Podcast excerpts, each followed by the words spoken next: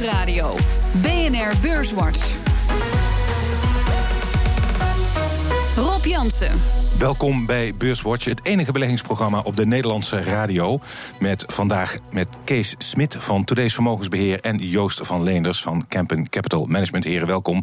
Voor het eerst in zeven jaar tijd is er sprake van krimp in plaats van groei op de Amerikaanse banenmarkt. In september nam het aantal banen met 33.000 af. Het gemiddeld uurloon steeg wel met bijna 3% Toch schrokken beleggers ervan, uh, want het lag wel ver onder de verwachting van economen. Joost, wat maak jij uh, van deze cijfers? Eh, zijn de zorgen van beleggers terecht? Nee, nou, ik schrok er niet van. Omdat uh, we natuurlijk weten dat dat banencijfer enorm vertekend is door de orkanen die Amerika geteisterd hebben. Waardoor uh, uh, mensen niet aan het werk konden. Um, dus, dus dat speelt heel erg mee. Als je onderliggend kijkt, is het niet zo zwak. Er is een andere enquête. daar zie je dat de werkgelegenheid stijgt, de werkloosheid daalt. En wat je al noemt, er komt wat loongroei. Mm. En ik denk eigenlijk um, dat. Um, ja, schrikken. Kijk, we weten natuurlijk, die beurs die zijn, die zijn weer hard gegaan. Mm. Dus daar wordt flink naar gekeken. Maar wat je eigenlijk ziet is dat um, er, er misschien iets, iets van inflatie aankomt. Dat zit er een beetje in. Dus mm. eigenlijk juist kracht. Mm. Uh, daar zie je dat de kans op renteverhogingen toeneemt. En ik denk dat de beurs daar meer op reageerde dan dat het vertekende banencijfer. Ja, ja, denk jij er ook zo over, Kees? Ja, uh, dat is precies het verhaal inderdaad. Want um, ja, met z'n allen kunnen we juist door al die orkanen was het gewoon super moeilijk uh, te voorspellen deze keer. Dus ja, ja. Al, uh, en dat hadden, hadden ook een aantal economen al aangegeven in Amerika. Ja. Dus. Maar wat is dan per saldo het effect? Hè? Want uh, aan de ene kant die lonen die stijgen. Het schijnt wel zo te zijn dat uh, maar liefst anderhalf miljoen mensen in september thuis zijn gebleven als gevolg van die storm. En bijna ja. 3 miljoen mensen die werkten part-time als gevolg van die storm. Dat zijn natuurlijk flinke aantallen. Hoe gaan, we, hoe, gaat dat, hoe gaan we dat terugzien in bijvoorbeeld het groeicijfer over het derde kwartaal? Wat verwacht je? Ja, dus daar zal je ook een dip in zien. Maar dat is natuurlijk dat is, dat is voor beleggers niet zo van belang. Je weet waar het door komt. En op het moment dat het cijfer komt, ligt het allemaal achter ons. Mm. Het tast niet de structuur van de Amerikaanse economie aan. Daar nee. is het ten eerste niet groot genoeg voor. Ja. Uh, en ten tweede, bedoel, de, de, kennis is niet weg. En sterker nog, je zal op een gegeven moment een opbouw zien. Mm. Hè, uh, waardoor, het, waardoor het juist weer terugveert. Dus um, uh, ja, dat is, dat is tijdelijk. En ik denk voor beleggers niet zo van belang. Nee. Um, wat denk ik ook, ja tot een kleine rimpeling heeft geleid, zou je kunnen zeggen. En dan ben ik, ga ik weer even terug naar Europa, dat is Catalonië. De Catalanen hebben een uh, referendum gehouden, weliswaar uh, ongeldig, maar het zorgde voor ja, enige reuring in het begin van de week in ieder geval. Een meerderheid van de stemmers wil afscheiding van Spanje. Kees, maak jij als belegger zorgen om wat daar in Catalonië gebeurt? Uh, nee. Uh, het had wel geweest als het natuurlijk een heel officieel referendum was geweest. Dan hadden we daar met ons allen daar druk over kunnen maken. Maar nu is het. Uh, ja, je ziet ook dat er gewoon geen steun voor dit soort referendum is. Ik bedoel, uh, uiteindelijk geen, niemand in Europa wil het. Hmm. Zeker in Spanje wil men het niet. je hebt de Basken anders weer. Maar ik bedoel, zelfs in Nederland zouden we de, de Friese hebben die onderhand zich willen af, afscheiden. Dus iedereen is er een beetje is er tegen. En daarmee houdt iedereen het klein. En ben ik er ook zeker niet bang voor. Nee. Je ziet aan de andere kant wel, Joost, dat bijvoorbeeld een grote bank met uh, zijn roots in Catalonië al heeft besloten om weg te gaan. En veel andere bedrijven ook uh, ja, toch nadenken om te vertrekken. Ik denk dat dat uiteindelijk ook een rem zet op de, op de kans op afscheiding. Kijk, wat het, wat het, wat het vervelende natuurlijk is, is de, is de aanpak van Rajoy. Die, heeft, die zou eerder het sentiment voor afscheiding in Catalonië in ieder geval aanwakkeren, denk ik. Dat is natuurlijk niet handig gedaan. Hmm. Maar ik denk als dit soort, als dit soort uh, ontwikkelingen verder gaan. Uh, dan denk ik dat de steun voor het referendum afgaat. Er wordt wel gezegd dat onder de gehele onder het referendum was geloof ik 80 of 90 procent voor. Hmm. Maar onder de hele bevolking zeggen ze dat het redelijk 50-50 is. Hmm. Um, en dan, dan mag je hopen dat, het, uh, dat de, de, rationaliteit op geen zegen viert. Ja. Uh, plus, ja, dat het allemaal grondwettelijk niet kan. Maar ja. hoe meer het onderdrukt. Ja. Ja, hoe, hoe ik denk ze beter dat het referendum hadden willen laten gaan. En zeggen, ja. ja prima, het is ongeldig, veel plezier ermee. weet je? Maar ja, goed, dat is niet gebeurd. En daarmee kan het ietsje langer doorwerken. Maar als je kijkt naar reactie op, uh, op obligatiemarkt of aandelenmarkt, is vrij beperkt. Ja, ja uh, sterker nog, uh, de records die houden maar aan op Wall Street. de AEX heeft in ieder geval een jaarrecord aangetikt deze week. Um, ik weet het niet, Joost. Ik vind het wel gevaarlijk. Worden aandelen niet te duur? Ja, nee, ze zijn natuurlijk wel al, al een tijdje aan de dure kant. Het, het, um, het punt is dat heel veel beleggingscategorieën duur zijn. Ja. Je kan bedrijfsobligaties, uh, die, die, die, die rentes zijn laag, die spreads zijn laag, obligatierentes zijn laag. Uh, dus de vraag is wat het alternatief is. Mm. Um, wij zijn zelf redelijk offensief gepositioneerd. Dus overwogen in aandelen mm. en uh, short duration. Dus we profiteren ook van de rentestijging. Mm. Um, ja, natuurlijk zitten we ook wel eens te kijken hoe lang nog en komt er een correctie waar je, waar je echt op moet inspelen. Maar dan moet je kijken, je kan kijken naar de wereldeconomie, die draait goed. Mm. Uh, de bedrijfscijfers, dat ziet er allemaal, uh, allemaal goed uit. Dus of, of dat nou op korte termijn echt, echt de hele markt doet keren, dat mm. kun je wel vragen. Kees, ja, wij zitten wat voorzichtiger in de markt. Uh, zelf uh, zitten wij juist onder, onderbelegd eigenlijk. Uh, maar er zitten wel een paar maanden. En dat, dat, daarmee zijn we wel gewoon wat te voorzichtig geweest. Maar wie weet, de maand oktober is, kan soms een spannende maand zijn, zullen we zeggen. Dus, maar ik denk, kijk, ik denk wel, en daar kijken we ook wel naar natuurlijk. Want we zijn niet helemaal, we zijn wel, wel van deze wereld. Um, we, we kijken wel naar hoe, hoe, hoe kun je nou een beetje bescherming inbouwen. Ja. Um, ja, dus dan kun je denken, van, ja, misschien moet je goud kopen, maar het rendeert natuurlijk niet. Dat is alleen maar de prijs. Um, dus we kijken bijvoorbeeld wel naar vastgoed. Weet je, want, want we zitten natuurlijk, um, als, als, de rente, als de rente gaat dalen ja. en aandelen dalen, dan zitten wij wel scheef. Als de rente gaat dalen, dan doet vastgoed het beter dan aan. Dus dat is wel iets waar we naar kijken. Dus we kijken wel naar van, uh, ja, en, en dat doen we ook wel, dat er wel wat, wat zeg maar die, die, die, die, uh, die risico uh, blootstellen en dat je die wat meer spreidt. Ja. En ik denk dat dat wel, dat dat is natuurlijk wel slim om te doen als ja. Nou, in principe, wij, wij, gebruiken zelf gewoon maar put-opties. Uh, ja. De volatility is extreem laag. Uh, dus in die zin zijn opties gewoon heel goedkoop en kan je relatief goedkoop hedgen op dit moment even. Ja, nou ja, ik heb zelf voor de portefeuille die ik beheer voor BNR en Janssen belegd ook een put op de AEX gekocht, een turbo. Ja. Um, maar ik heb het idee dat het kabbelt, de bewegelijkheid is laag, het kabbelt langzaam omhoog. Het lijkt alsof beleggers in slaap worden gesust. Alsof het, zeg maar, de het oog voor risico eh, wordt een beetje ja, eh, vervaagd, ja, lijkt het en, wel. En die positionering zie je soms ook extreem. Met name in volatiliteit. Hè. Er, zitten, er zitten heel veel mensen zitten, zitten short volatility. Dus ja. als, als dat soort posities gaan keren, die concentratie... Gaat, het heel snel in één keer. Dan kan dat heel snel gaan. Ja. Ja. maar dat is reden te meer om juist uh, poets te kopen. Inderdaad, omdat je dan daarvan profiteert ook van die volatility stijging. Ja. en tegelijkertijd weet je ook, ja, het, het is een onevenwichtigheid. En de, de, de aandelen zijn duur, uh, duur en uh, het, is, um, uh, het is eigenlijk niet te voorspellen. Die onevenwichtigheid kan lang aanhouden ook. Ja, dat is het zeker. Dus ik wil, maar dat is al een tijd. Ik wil, daarom zeg, als je mij uh, half jaar geleden gevraagd had, had ik ook gezegd dat we gaan corrigeren. Maar uh, uiteindelijk uh, nu nog steeds niet. Dus, nee. dus dat is natuurlijk het, het leuke van, van, de, van de markt. En we zien de rente. Dan denk je dat uh, inderdaad, eh, Catalonië het, het, wordt. Dan denk je dat Duitse verkiezingen het wordt. Uh, dan is het uh, Trump die het zou kunnen worden. Maar elke mm. keer weer niet. Ja. Zometeen dan praten we verder onder andere over Tesla. De autofabrikant lijkt een brekenbeen, maar niet voor beleggers. BNR Nieuwsradio. BNR Beurswatch. Ja, we hadden het er net al over. In Amerika worden records gebroken. Ook op het Damrak wordt de stemming allengs beter. Uh, we praten erover door met uh, Kees Smit van Today's Vermogensbeheer... en Joost van Leenders van Kempen Capital Management. Maar eerst maken we de balans op van de afgelopen week. De AEX, heb ik het dan over, die sloot op 539,9 punten. En dat is een half procent hoger dan vorige week. Stijgers. De aandelen die op weekbasis uh, het sterkst stegen, dat is op nummer 1 Altis met een plus van 4,6 procent. ArcelorMittal kreeg er 4,3% bij. En ABN AMRO 3,3% hoger. En het midcap aandeel dat het best presteerde deze week was Refresco... met een plus van 10,7 procent. Dalers. Dalers. De drie grootste dalers in de AX. Gemalto leverde 4,3% in. Egon 3,5% lager. En SBM Offshore leverde 1,5% eh, in. En in de midcap was de grootste daler deze week Flow Traders met een min van 4,8%. En de AEX is deze week drie van de vijf handelsdagen hoger gesloten. Um, Heren, ik vind uh, ja, het is makkelijk te verklaren waarom Refresco in de miskap uh, zo sterk is gestegen. Daar is een, uh, voor de derde keer een bot op uitgebracht, Kees, ja. door Pai. Um, Refresco is een van de grootste frisdrankbottelaars ter wereld.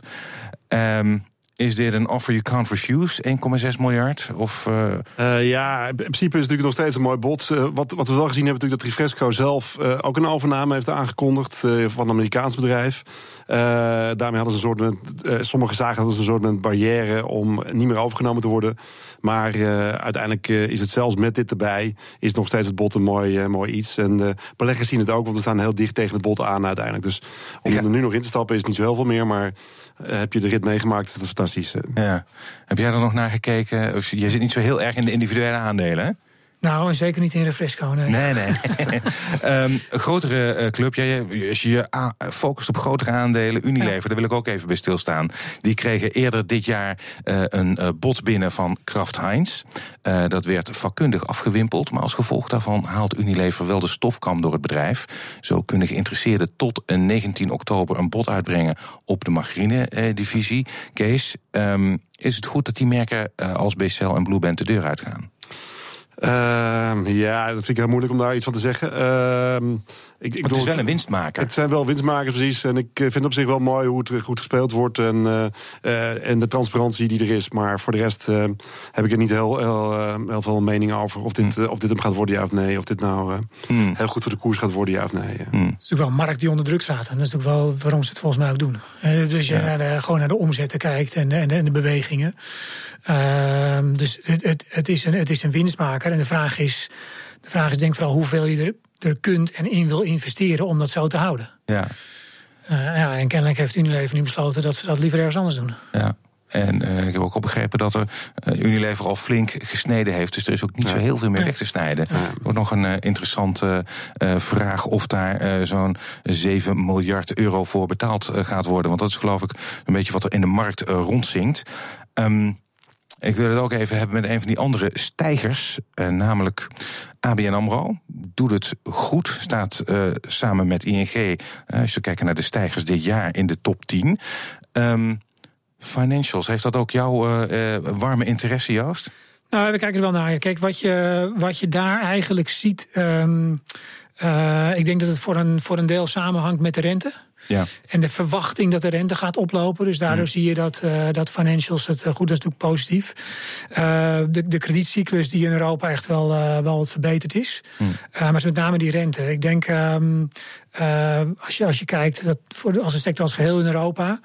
Um, dan, dan is de, de return on equity nog niet zo hoog. Omdat, omdat die, um, die leverage veel minder hoog is. Dus ze moeten veel meer kapitaalseisen aanhouden. dat is bijvoorbeeld wel een verschil met de Verenigde Staten. Ja. Dat zou natuurlijk het makkelijkst zijn te doen, maar dat is uh, qua regelgeving is dat lastig. Dus uh, dat houdt het denk ik nog een beetje tegen. Maar die, die conjunctuur en die rentebeweging is wel in het voordeel van die sector, ja. Kees, heb jij een beetje geprofiteerd van de stijging van de financials dit jaar? Nou, we waren wel op, zich positief op de financials de afgelopen tijd. Maar uh, ik moet ook zeggen dat ik de laatste tijd wel weer veel stukken lees over uh, allerlei analisten die uh, juist de regelgeving, wat je net aanstipte, als een van de punten noemen die, waar, je, waar je weer voorzichtig moet zijn met de financials. Ik bedoel, we hebben MIFID 2 en allerlei privacywetgeving. dus in die zin ben ik ook weer, ja, rond deze niveaus ben ik er wel een beetje klaar mee eigenlijk weer. Ja, ja. Wat me ook opvalt is dat Egon bijvoorbeeld, die heeft wel juist wel weer een heel moeilijk jaar achter de rug. Wil je daar een specifieke verklaring voor?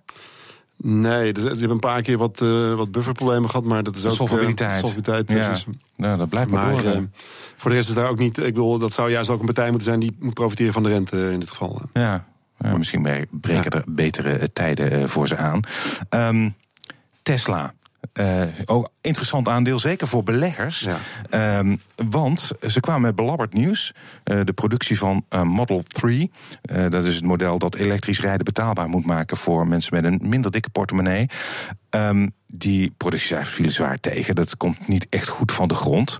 En toch is het aandeel, het kwam begin van de week naar buiten. Het aandeel is eigenlijk elke dag gewoon gestegen.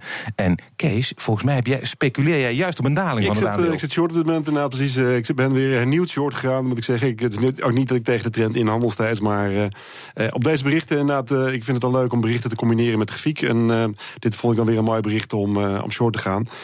want het, ja, het, het, blijft gewoon heel teleurstellend. En je ziet ook dat heel veel concurrenten natuurlijk deze markt inkomen. We hebben General Motors heeft, is, is, heeft aangeroepen dat ze de markt ingaan. Heeft het aandeel goed geholpen? Het, heeft het aandeel in ieder geval goed geholpen inderdaad. en, maar je ziet ook BMW, Porsche, noem ze maar op, allemaal elektrisch. Mercedes, Volvo. ja, wat dat betreft denk ik dat, ik dat... En dat zijn ook bedrijven wat mij betreft allemaal die meer echte autobouwers zijn. Mm. En ik heb zelf ooit als een keer naar autobouwers me laten informeren. Het is, niet, is niets moeilijker dan een nieuw model op de markt brengen. Want er zit er gewoon altijd fout in. En daar merk je gewoon dat Tesla eigenlijk helemaal geen ervaring in heeft. En dan toch nog niet op afgestraft wordt. Dus, mm. Ja, en ja, ik denk dat als je kijkt gewoon naar, naar hoeveel auto's ze maken en de marktwaarde is natuurlijk enorm. Maar um, uh, dat opschalen, dat is natuurlijk wel het probleem. Ja. En kijk, het is natuurlijk het is natuurlijk voor beleggers, waar je, waar je de afgelopen tijd natuurlijk veel voor ziet, is de disruptors. Hè, dus die een sector helemaal overhoop gooien. Ja. Weet je, is, is, is, is Apple nou het nieuwe, is, is Tesla nou het nieuwe Apple? Het Apple van, de, van de autosector. En zijn de rest allemaal Nokia's? Dat is natuurlijk dat is de veronderstelling die hier gemaakt wordt.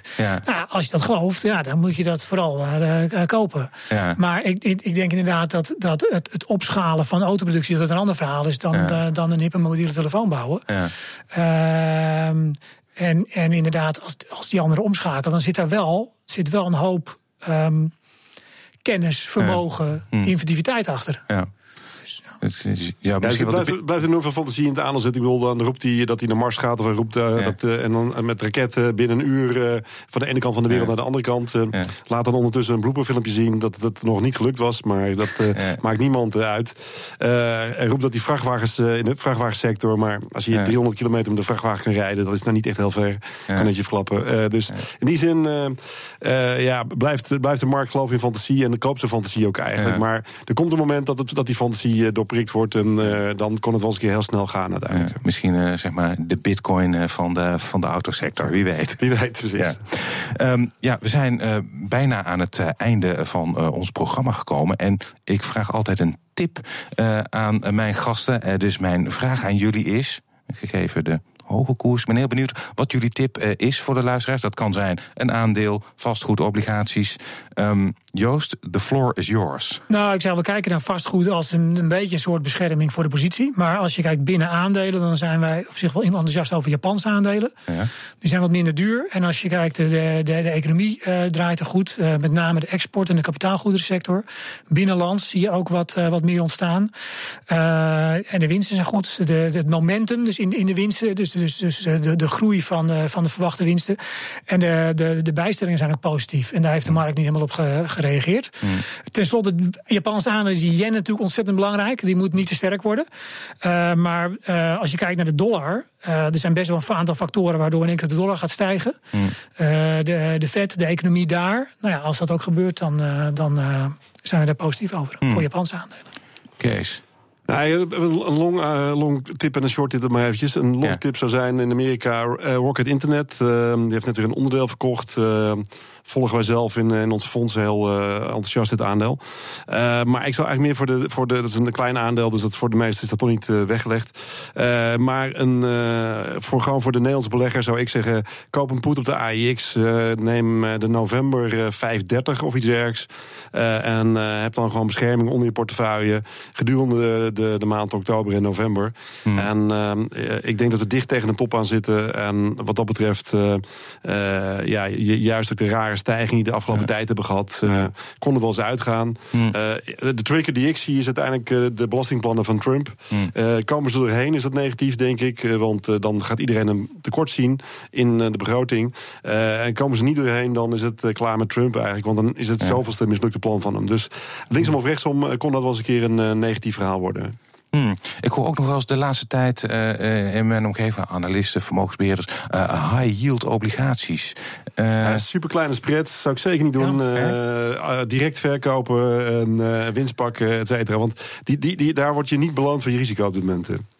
Hoe zie jij dat? Nou, dat is inderdaad het gevaar. En het is ook wel vaak um, uh, een beleggingscategorie die als het misgaat wel, uh, wel als eerste gaat. Ja, ja. Is ook een beetje de kanarie in de kolenmijn. Wat dat betreft dat hij, nog, dat, dat hij nog niet gepiept heeft, is nog niet positief. Ja. ja. Ja, we zijn aan het eh, einde gekomen van deze aflevering van Beurswatch. Ik dank mijn gasten van vandaag.